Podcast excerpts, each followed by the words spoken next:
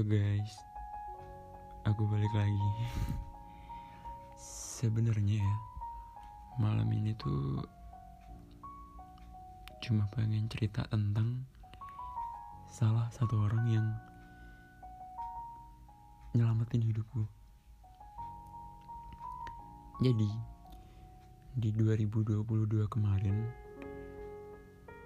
uh, aku ketemu satu manusia yang dan itu pertama kalinya aku ngerasa insecure ngelihat cowok gitu. Di pertengahan 2022 sekitar bulan Mei Juni lagi-lagi aku ngalamin quarter life crisis. Ya mungkin jilid kedua kali ya. Kalau dulu di tahun-tahun sebelumnya di 2019an aku ngalamin itu dan aku milih untuk bertahan untuk diri aku sendiri. Di 2022 kemarin aku udah gak tahu mau bertahan karena apa dan untuk siapa. Sampai di bulan Mei Juni kayaknya akhir Mei awal Juni deh ada satu orang yang bikin aku kayak kalau dia bisa kenapa aku enggak ya? Kok dia keren banget ya kok ada yang manusia kayak gini di dunia? Kok Tuhan bisa nyiptain orang kayak gini? Gitu dan kok aku bisa ya baru tahu kalau di bumi ini ada orang kayak dia? Gitu mungkin sebagian teman-teman yang uh, ngefollow Instagram atau tahu TikTokku tahu siapa orangnya.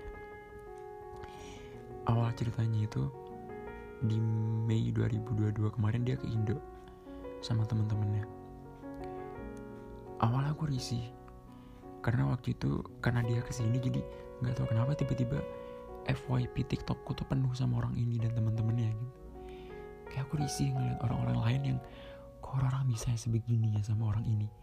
Kok orang-orang bisa ya mau ngabisin duitnya untuk orang ini gitu? Cuma buat ketemu orang-orang ini gitu. Kok mau gitu uangnya habis?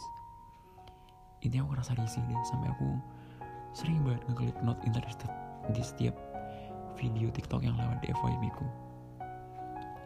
Sampai akhirnya kira-kira kayak 2-3 harian kemudian muncul video temennya yang nangis di stage. Yang intinya dia ngucapin makasih banyak untuk fansnya pada waktu itu. Terus habis itu muncul lagi video orang ini sama temennya yang lagi ngorek-ngorek sampah di Indonesia yang panasnya bilang gak ketahan ini. Habis ini muncul lagi video temennya yang ngapresiasi fansnya gitu. Dan terakhir muncul lagi video di mana dia nunduk ketika lihat cewek lewat. Dia ngelakuin banyak hal terutama ngelakuin bakti sosial gitu.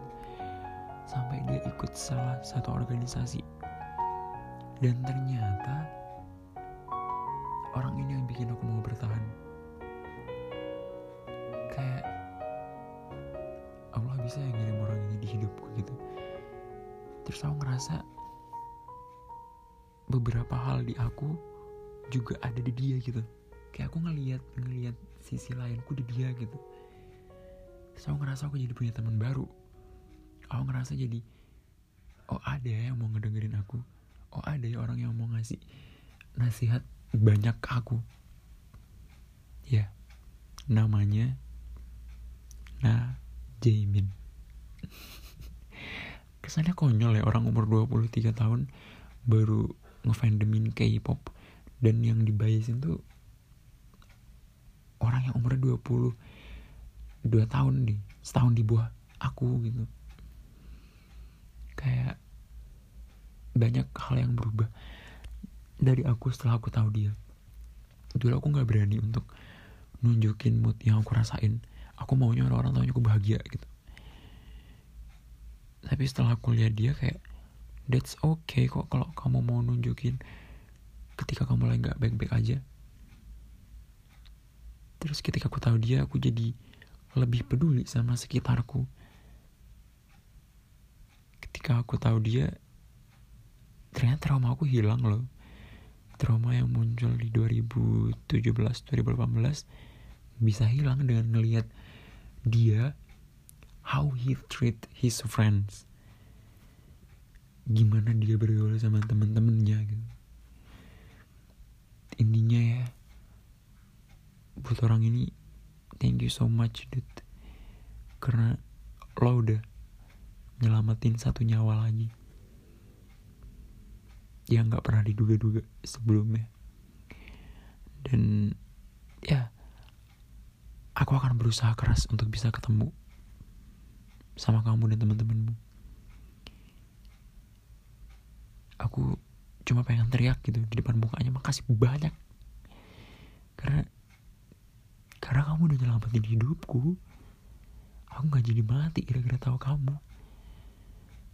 Ngeliat dia ketawa tuh kayak aku ketawa gitu. Ngeliat dia nggak mood tuh kayak ngeliat aku lagi nggak mood. Ngeliat dia ngehibur teman-temannya kayak ngeliat aku lagi ngehibur teman-temanku. Ngelihat dia dengan tingkah konyolnya kayak ngelihat aku dengan tingkah konyolku gitu. Ya sekali lagi makasih banyak. Najaimin teman baruku yang jadi pendengar terbaik yang baru aku kenal